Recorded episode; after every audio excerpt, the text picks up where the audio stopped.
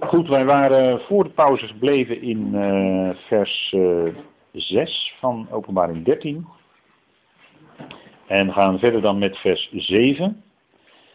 En daar staat, en dat waren we ook al in Daniel tegengekomen, namelijk in Daniel 7 vers 21. En er staat, en het werd macht gegeven, of het werd gegeven, staat er eigenlijk, om oorlog te voeren tegen de heiligen. Dat is het volk Israël en om hen te overwinnen. En hem werd macht gegeven over elke stam, taal en volk. Dus niet alleen het volk Israël wordt door hem als het ware overmeesterd. Of hij heeft zoveel legers en macht en kracht achter zich dat hij het volk Israël kan overwinnen. Maar hij krijgt zelfs macht over, hè, hij werd macht gegeven over elke stam en taal en volk. En dat is wat we ook bijvoorbeeld uh, in openbaring 17 lezen koppelen nog heel even terug naar vers 15 van openbaring 17. En dat is ook waar de afvallige vrouw op zit, op dat beest.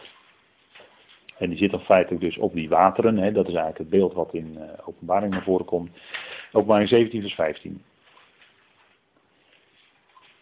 En hij zei tegen mij, de wateren die u gezien hebt, waaraan de hoer zit, letterlijk op, hè, want die zit op het beest, zijn volken, menigten, naties en talen. Dus dan zien we de soortgelijke uitdrukking. En dan vers 18, daar staat, en de vrouw die u gezien hebt, is de grote stad die de koninklijke heerschappij heeft, of voert, over de koningen van de aarde. Dus die een, letterlijk staat die een koninkrijk heeft, over of op de koninkrijken der aarde. Dus dat is, uh, die, die vrouw is dan uh, het afvallige Israël. En daarvan wordt gezegd, dat is de stad. Dus dat zit in de stad Babel. Die zit dan op een of andere manier in de stad Babel. En uh, u kent misschien dat visioen wel uit Zacharia. Misschien is dat toch even goed om dat even aan te halen.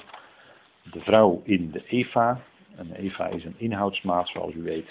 Nou, even met elkaar opzoeken. Zacharia. Zacharia.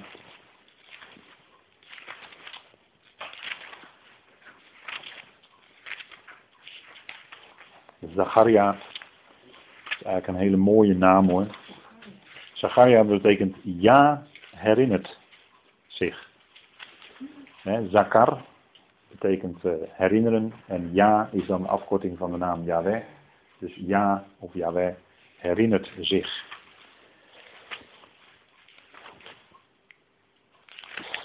Zacharia 5, de vliegende boekrol, staat erboven. En het zevende visioen is dat van Zacharia.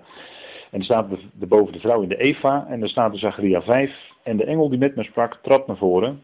Zacharia 5 vers 5. En zei tegen mij, sla toch uw ogen op. En zie wat daar tevoorschijn komt. En ik zei, wat is dat? En hij zei, dat is een Eva die tevoorschijn komt. En een Eva, dat is een korenmaat. Dat is de toelichting van de herziene statenvertaling.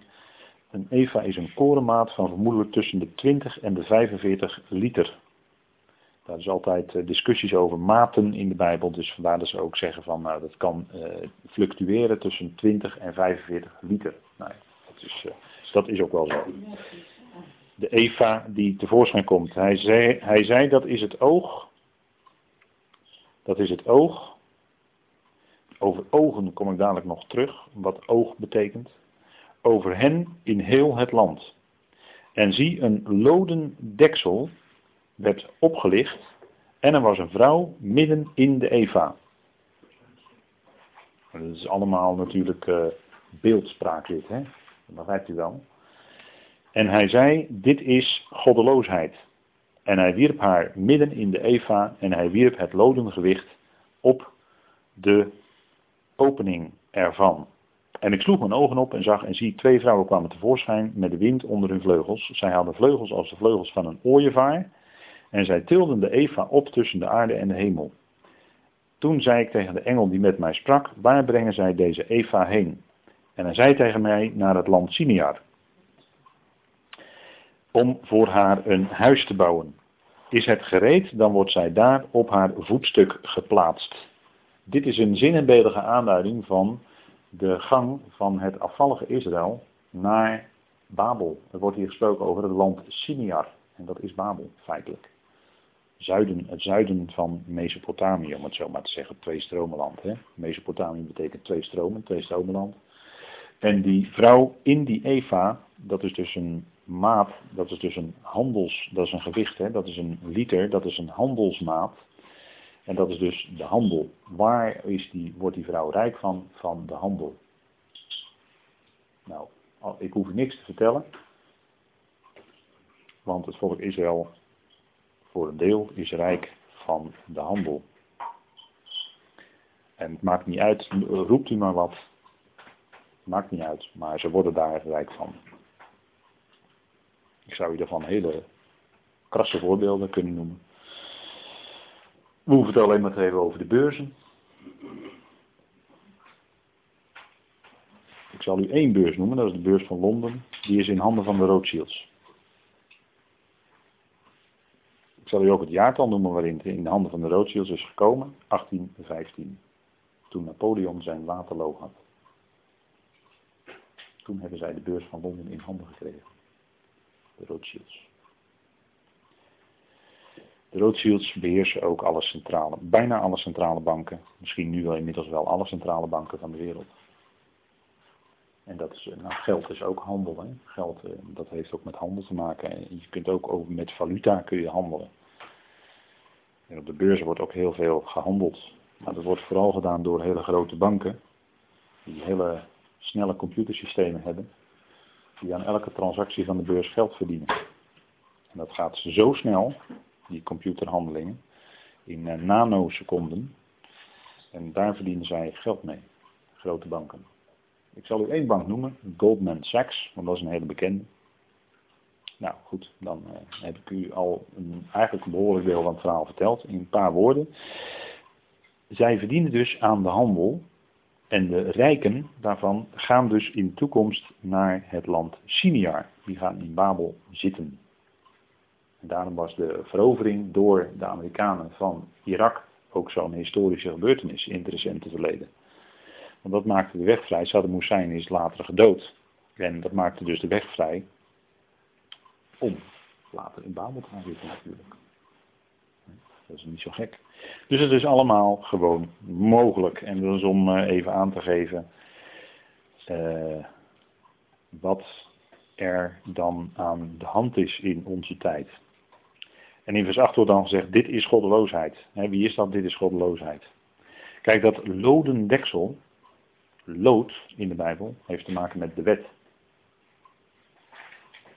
Lood heeft te maken met de wet. Het raad loden deksel wat erop zit, is te zeggen, in principe zit zij onder de wet. Want de wet is aan het volk Israël gegeven. Zit ze niet onder, in de praktijk is het helemaal niet. Stekken ze helemaal nergens wat vandaan. Vandaar dat er ook staat goddeloosheid.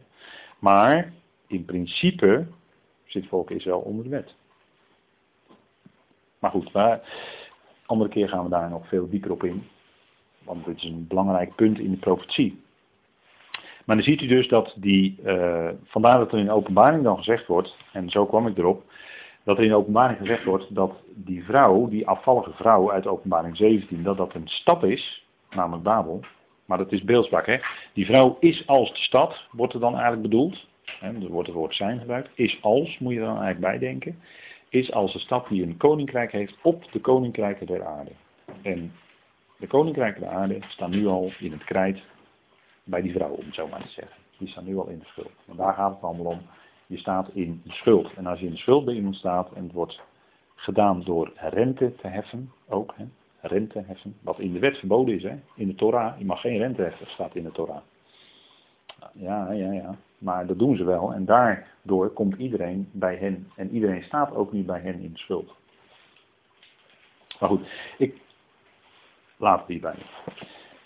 Vandaar dat staat dus dat zijn koninkrijk, daar haal ik het even voor aan, dat zijn koninkrijk heeft, zo zal het in de eindtijd zijn, op de koninkrijken of over de koningsstad, het woord epi in het Grieks, de koninkrijken van de aarde, dus die, die worden daardoor overheerst. Maar dat is nu nog in het geheim, dat is nu allemaal nog verborgen. En als u het zegt, dan kijken de mensen je aan van of je gek bent geworden als je dat zo zegt. Die dingen zegt die ik nu net zeg. Uh, omdat het nu nog in het verborgen is, is nu nog het geheimenis van de wetteloosheid. Maar het zal straks geopenbaard worden. Dan wordt het aan iedereen openbaar. En dan wordt er ook een einde aan gemaakt door de Heer. Want daar gaan we natuurlijk naartoe. Goed, we gaan even terug naar de openbaring 13. Openbaring 13. En er staat, en allen die op de aarde wonen, zullen het aanbidden. Vers 8. Van wie de namen niet geschreven zijn in het boek des levens van het lam dat geslacht is vanaf de nederwerping van de wereld.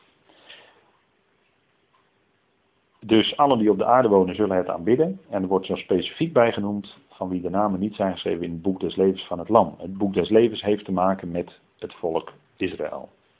Degenen die in het boek des levens staan, dat zijn zeg maar de gelovige Israëlieten. Die staan in het boek des levens. En de ongelovigen staan daar niet in. En als later kunnen ze ook nog uh, uitgeschreven worden. Dat is misschien wel mogelijk op enig moment. Dat kan. Van het lam dat geslacht is, en er staat er vanaf de nederwerping van de wereld. Dus lam is als geslacht. Het was tevoren gekend, zegt Petrus in 1 Petrus 1, voor de nederwerping van de wereld. En het is geslacht vanaf de nederwerping. Er staat hier apo in het Grieks. Dat betekent vanaf de nederwerping van de wereld. En dan staat er indien iemand oren heeft, laat hij horen. En die. Oh ja, nee, die, eh, wacht, daar komen we nog op. Uh, vers 10. Als iemand in gevangenschap voert, die gaat zelf in gevangenschap. Als iemand met het zwaard dood, die moet zelf met het zwaard gedood worden. Hier is de volharding en het geloof van de heiligen. Nou, zij zullen, de heiligen zullen inderdaad in die tijd met het zwaard gedood worden. Ze zullen in gevangenschap gebracht worden. En dat eh, zal een verschrikkelijke tijd zijn van antisemitisme. De heiligen zullen hevig vervolgd worden door de draak eigenlijk. En eh, het gelovige overblijfsel zal kunnen ontkomen, evenals de 144.000. De 144.000 eh, worden natuurlijk in het volgende hoofdstuk genoemd.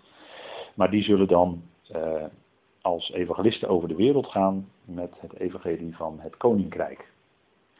En als dat evangelie van het koninkrijk over heel de wereld is gepredikt, dan staat er en dan zal het einde komen. Maar het is dus de prediking door de 144.000 van het evangelie van het koninkrijk. En als dat gepredikt is over de hele wereld, zegt de schrift, dan zal het einde komen. Het einde van deze eon en dan zal de overgang zijn naar de volgende. Goed, en dan gaan we naar vers 11, dat is het tweede beest. En ik zag een ander beest opkomen uit de aarde, Kijk, dit beest komt uit de aarde. Het vorige kwam uit de zee. En het had twee horens, als die van het lam, maar het sprak als de draak. Kijk, het leek, het lijkt op het lam. Die hebben we hier dus, de antichrist. Antichrist. Degene die zich in plaats van Christus stelt. En hij spreekt ook, hè. Dus uh, de antichrist blijkt als u mij vraagt, de valse profeet te zijn. Ik weet dat daar verschil van mening over bestaat. Wie precies de antichrist is en de wetteloze en de valse profeet. Goed, het zij zo.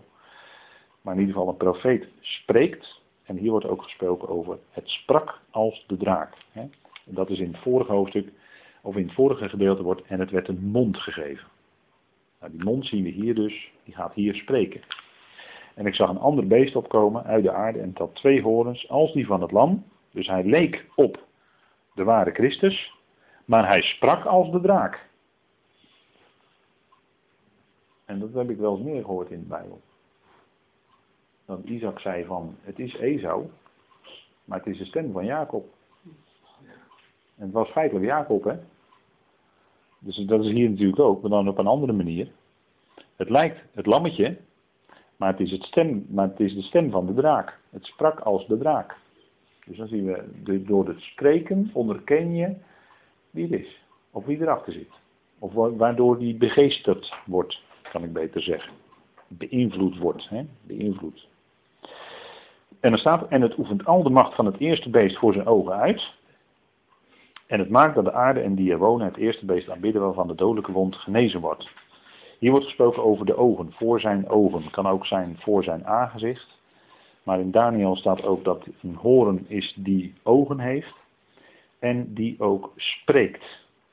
Ogen in de Bijbel hebben te maken met geestelijke dingen. Uh, dat blijkt ook uit openbaring. Uit openbaring 5. Dat zullen we even met elkaar opzoeken. Openbaring 5.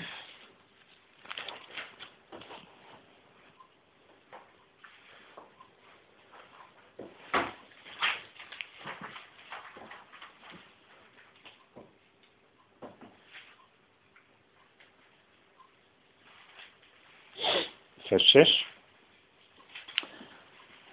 En er staat, en ik zag en zie, te midden van de troon en van de vier dieren en te midden van de ouderlingen, van de oudsten, het zijn daar dan 24 oudsten, stond een lammetje als geslacht met zeven horens en zeven ogen. Dat zijn de zeven geesten van God die uitgezonden zijn over de hele aarde. Dus hier zien we een duidelijk verband met ogen en geest, geestelijke dingen. Ogen hebben te maken met geestelijke dingen. Um,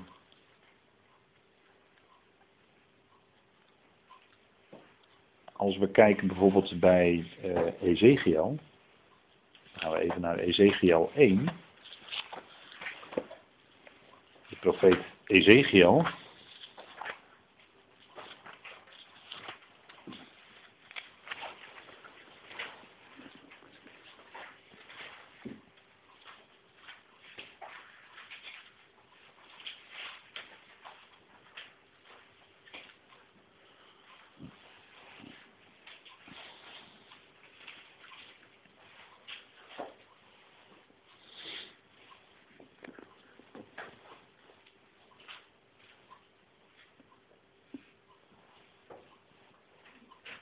En daar ziet Ezekiel nogal, een nogal ingewikkeld, uh, op zich een, een ingewikkeld lijkend uh, visioen.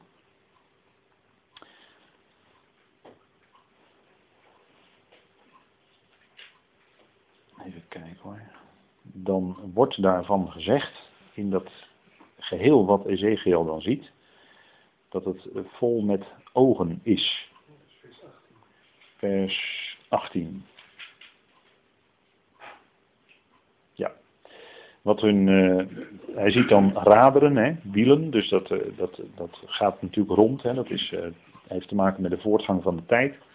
Maar dan staat er wat hun velgen betreft, die waren hoog en die waren vreeswekkend. Verder zaten hun velgen rondom vol ogen bij alle vier. Dus je ziet dan vier levende wezens. En dan staat er, wanneer de levende wezens gingen, gingen die wielen naast met hen mee. En wanneer de levende wezens werden opgegeven van de aarde, werden ook de wielen opgegeven. En waar de geest wilde gaan, daar gingen zij. En waar de geest heen wilde, gingen zij. En zij gingen waar de geest heen wilde gaan. De wielen werden tegelijk met hen opgegeven, want de geest van de levende wezens was in die wielen. En er wordt dus ook tegelijkertijd van gezegd dat zij vol ogen zijn. Dus vandaar een oog, ogen hebben te maken dus met de geest, met geestelijke dingen. Als je dus dingen ziet, of dingen gaat zien, dat wordt in de Bijbel natuurlijk vaak gebruikt voor het feit dat je geestelijk zicht krijgt. Kijk, de Heer, de Heer Jezus genas de blindgeborene. Maar in feite gaf hij hem het ware gezicht, namelijk dat hij erkende dat Jezus de Messias is. En dat hij dus geestelijk zicht kreeg. En uh, als we kijken bij, bij in de Efezebrief, dan is het zo dat wij God danken omdat wij verlichte ogen van ons hart hebben gekregen. Verlichte ogen van ons hart. Dat is natuurlijk beeldspraak, maar dat betekent dat dus die geest in ons hart werkt, zodat wij dat evangelie kunnen verstaan. Die bijzondere waarheden die Paulus naar voren brengt, dat wij die kunnen verstaan. Daar hebben we verlichte ogen van ons hart voor nodig. Dus ook geestelijk zicht, geestelijk inzicht. Vandaar dat ogen daarmee te maken hebben. Goed, dat even heel kort om even die uh, ogen te verduidelijken. En dat gaat dus ook de andere kant op, want hier staat dan voor zijn ogen of voor zijn aangezicht. En het maakt dat de aarde en zij die er wonen het eerste beest aanbidden waarvan de dodelijke wond genezen was. En het doet grote tekenen, zodat het zelfs vuur uit de hemel laat neerkomen op aarde voor de ogen van de mensen. En dan denken de mensen van Israël misschien wel aan Elia, die liet ook vuur uit de hemel komen. En die verteerde er 50, 50 van die profetenzonen. En toen nog eens een keer 50. En, en uh, dat, dat zeggen de discipelen dan op een gegeven moment ook tegen uh, de heer Jezus. Van, uh, zal u vuur uit de hemel laten komen? Dan zegt hij nee, andere tijd. Dat doe ik nu niet. En dan refereren zij dus aan Elia. Dat is natuurlijk een enorme profeet uit de geschiedenis van Israël. En het zal zelfs dus zo ver gaan dat dus dat beest, waarschijnlijk de antichrist, dat hij grote tekenen doet en zelfs vuur uit de hemel laat neerkomen op de aarde voor de ogen van mensen, om daarmee dus die hele mensheid, die mensen te misleiden. En dat zal gebeuren door tekenen en bedriegelijke wonderen. En dan zegt u, ja, waar heb ik dat meer gelezen? Inderdaad, bij Paulus, 2 Thessalonicense 2.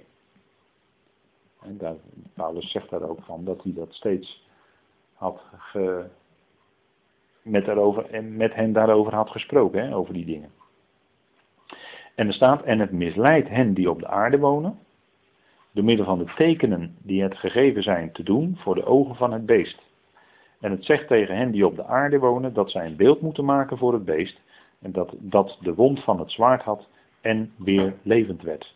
Dus hier zien we de oprichting van de gruwel der verwoesting waarvan gesproken is door Daniel de profeet. Het beest, het beeld van het beest wordt opgericht. Daarvan zegt de Heer Jezus, als je dat ziet, waar Daniel dus van sprak, dat beeld van het beest, dat dat wordt opgericht in Jeruzalem. En het zal niet alleen in Jeruzalem worden opgericht, maar ook op andere grote steden van de wereld. Om dat te aanbidden. Dan moet je maken dat je wegkomt. Laten zij dan vluchten naar de bergen, vluchten.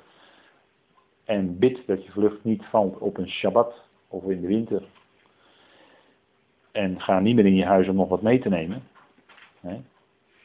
Maar je moet maken dat je wegkomt, want je hebt geen tijd meer. En dan is dus het punt dat ze een beeld moeten maken voor het beest.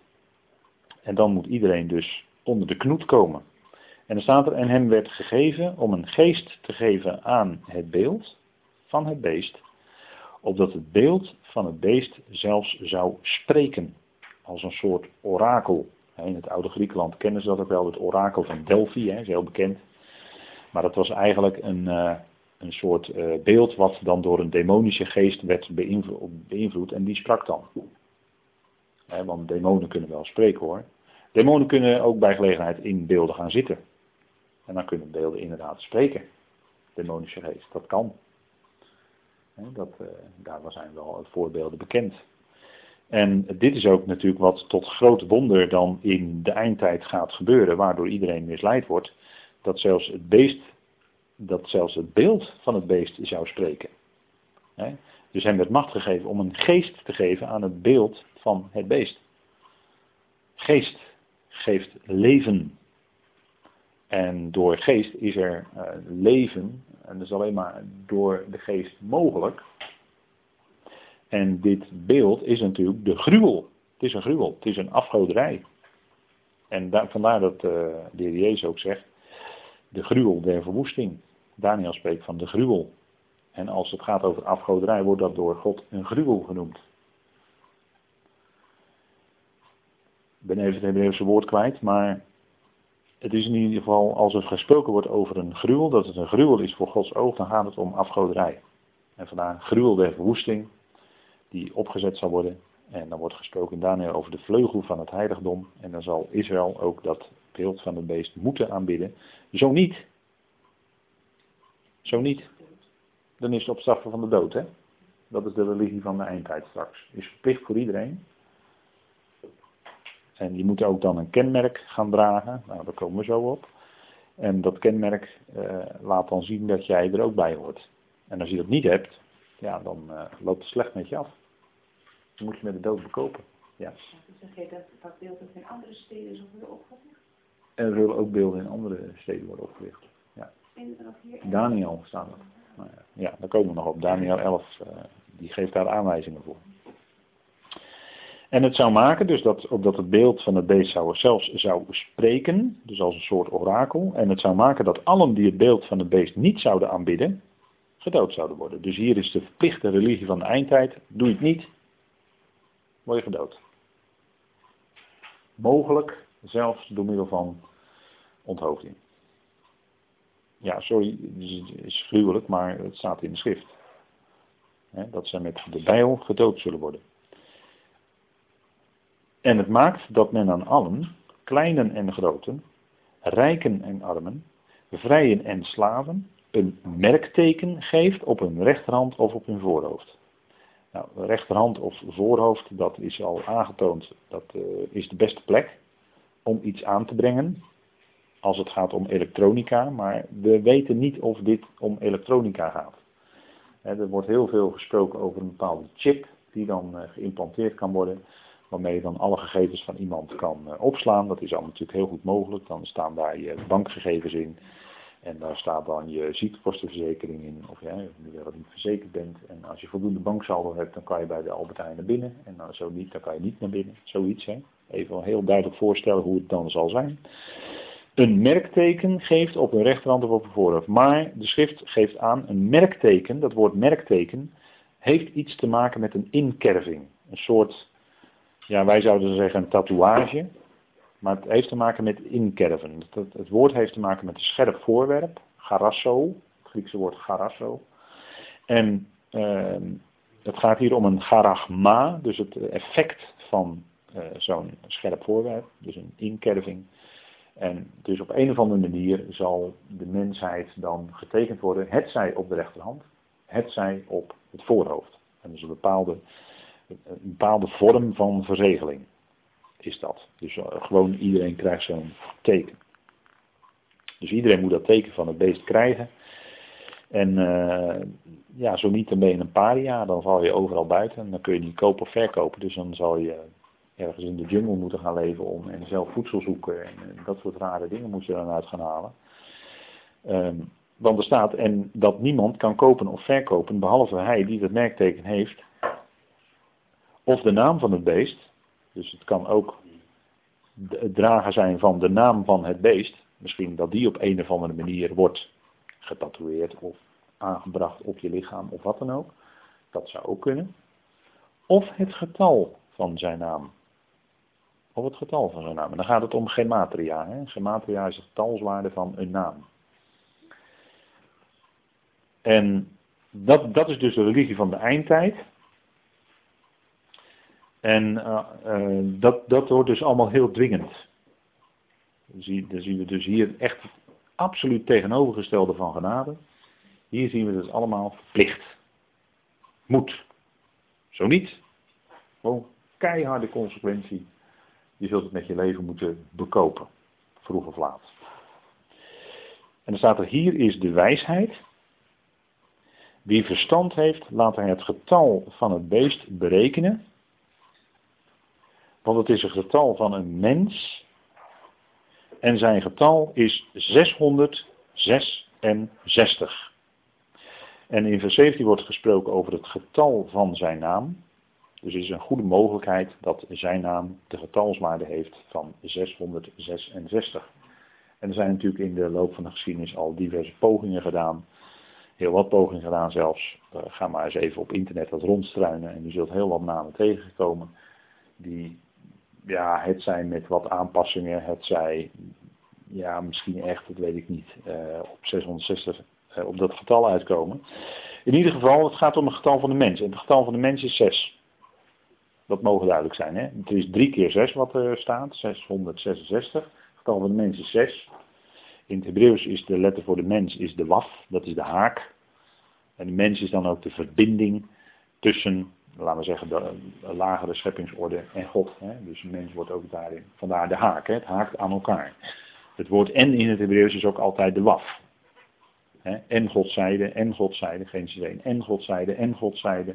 Het is allemaal de waf. Hè? staat er voor het woord en staat er de waf. Dus dat woord is een verbindingswoord en daarom wel belangrijk. Dus dat is de letter van de mens. Kijk, en bij de, bij de 6, dan ben je 1 tekort aan de 7.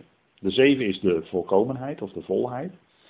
Dus ben je niet bij de zeven. Bij de zes ben je net niet aan de zeven. Vandaar dat mensen kennen ook een zesdaagse werkweek. Zes dagen arbeid. Ja, tegenwoordig hebben we vijf of vier dagen dat we werken. Maar in principe is het een zesdaagse werkweek. En ja, we werken dan zes dagen en eigenlijk is dat, uh, als ik de prediker erop nasla, is het allemaal, uiteindelijk is het allemaal ijdelheid. Hè? En najagen van wind. Moet wel gebeuren en het heeft wel een functie en het heeft wel, ik, ik, ik kan het ook allemaal gaan zeggen hoor. Maar in principe, uiteindelijk, zei de prediker van, ja, een mens topt zich af en gaat s morgens vroeg van huis en s'avonds komt hij weer thuis. Hij heeft ze de hele dag afgetopt en waar is het voor? Vraagt de prediker zich dan af. En volgende dag is er weer zo'n dag en weer zo'n dag. Dat is de laatste werkweek. Ja. Vakanties kenden ze toen nog niet waarschijnlijk, maar inmiddels kennen wij die wel. Maar je komt dan met de zes, hè, het is een zesdaagse werkweek en je komt één aan de zeven kort Zeven in het Hebreeuws Shabbat. Hè, dat heeft te maken met uh, S en B. En dat heeft te maken met wat, dat wat tevreden stelt. Dat wat volkomen is. Hè, dat, is uh, dat is dan de zeven. Dus je bent dan één tekort aan de zeven.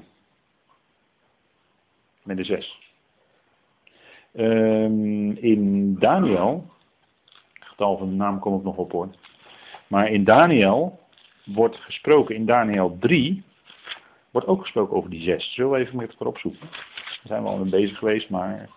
Toen liet namelijk koningin Nebuchadnezzar een beeld oprichten, weet u nog wel? En eh, hier zitten toch een aantal doorgewinterde zonneschoolmensen, dus ja, die zullen dat ongetwijfeld heel goed weten.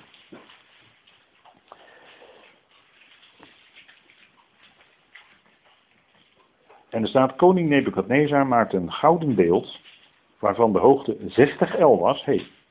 En de breedte was 6 L. Dus hier hebben we ook al een soort voorafschaduwing van wat in de eindtijd gaat gebeuren. Het is natuurlijk profetisch eigenlijk over wat in de eindtijd gaat gebeuren. Hij liet een beeld oprichten en iedereen moest dat ook verplicht gaan aanbidden.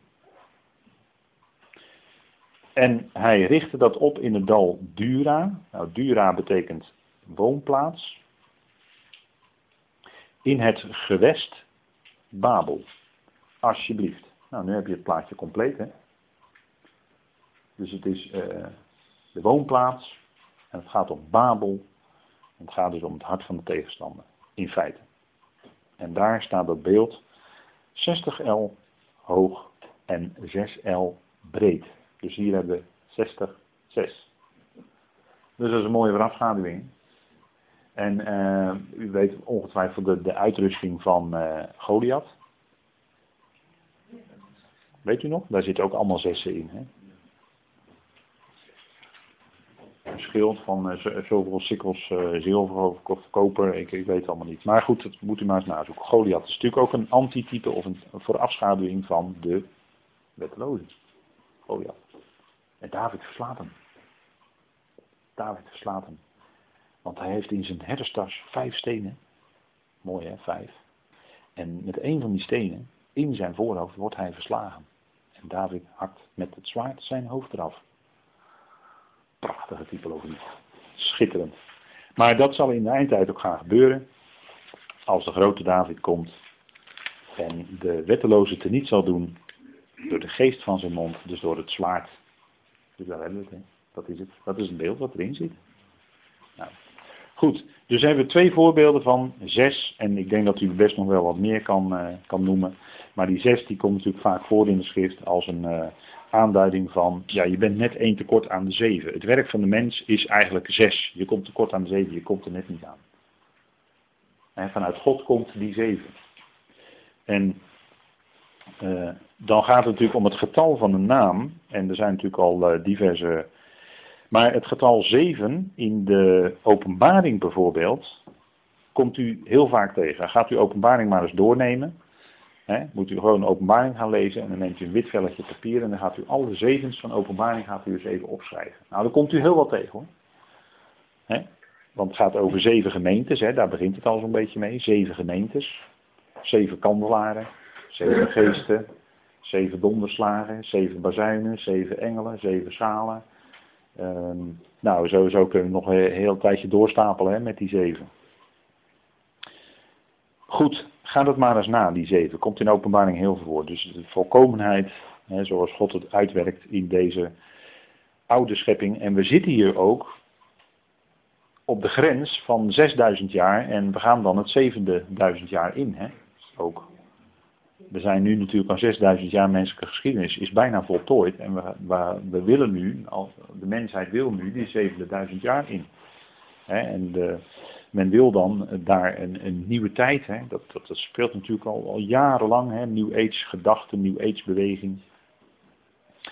En uh, een belangrijke figuur, heb ik al waarschijnlijk alles gezegd hoor, in die New Age beweging is natuurlijk de Maitreya. De Maitreya. En ik noem en ik, ik, ja, ik, ik zal ook niet zeggen dat dat nu de antichrist is of, of het beest, maar ik geef het u aan als een mogelijkheid. Dat die een belangrijke rol zou kunnen spelen. Want er is wel iemand die spreekt. En ik garandeer u, gaat u het maar nazoeken, Share. Zijn beweging is Share. Hè.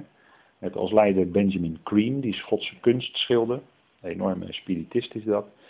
En dat is eh, zeg maar een beetje de woordvoerder van de Maitreya. Maar die Maitreya die zou al sinds begin jaren 80 of zo op het wereldtoneel, maar hij wordt nog tegengehouden. Ja, dat klopt ja. En in die beweging zeggen, houden ze ook bewust rekening met de opname van de gemeente hoor. Dat wel even, even duidelijk zijn, want de, men weet dat. Men weet dat een groep lastige, fundamentalistische christenen eerst weg moet zijn. En pas dan zal het kunnen doorbreken. Dat weet men bij Sher. En daar heeft de Maitreya zelf ook wel uitspraken over gedaan. En wat is nu het geval? Als je, de, als je het begrip Maitreya uitschrijft in het Hebreeuws, dan is de getalswaarde 666. Dus dat is, ja, heel merkwaardig. Hè, merkwaardig. Hè, maar uh, misschien kunnen jullie noteren. Het begint met de letter Mem, dat is de 40. Dan de Jot, dat is de 10. Dan de Taf, dat is de 400. Dan de Resh, dat is de 200. En dan nog een Jot, dat is weer 10. En dan eindigt het met de letter Alef, dat is een 1. En als je dat bij elkaar optelt, heb je 666.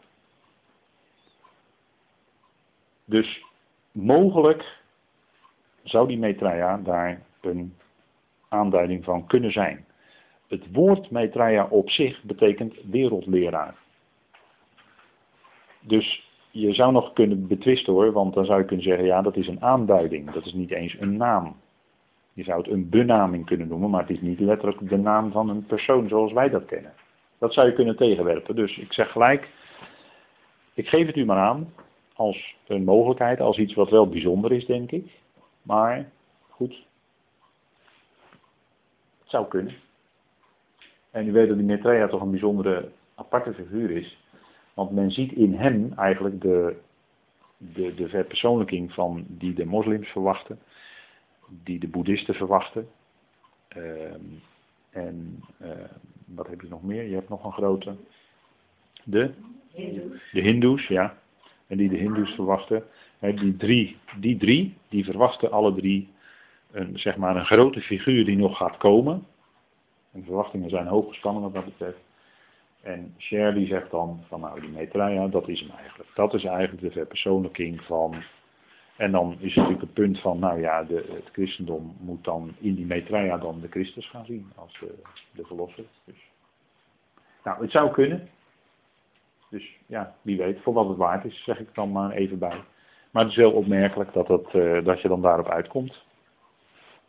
Goed, ik uh, wilde het hierbij laten vanavond. En we zullen met elkaar de Heer danken. Vader, wij danken u dat we deze dingen met elkaar mogen delen. En vader, met aandacht het profetisch woord nagaan. En het is heel bijzonder wat er toch in deze komende eindtijd gaat gebeuren, vader. We danken u dat we bezig mogen zijn met die woorden van u. En die woorden, vader, die zijn vast. Uw woord is uh, onveranderlijk. En vader, dank u wel dat we op dat woord ons vertrouwen stellen.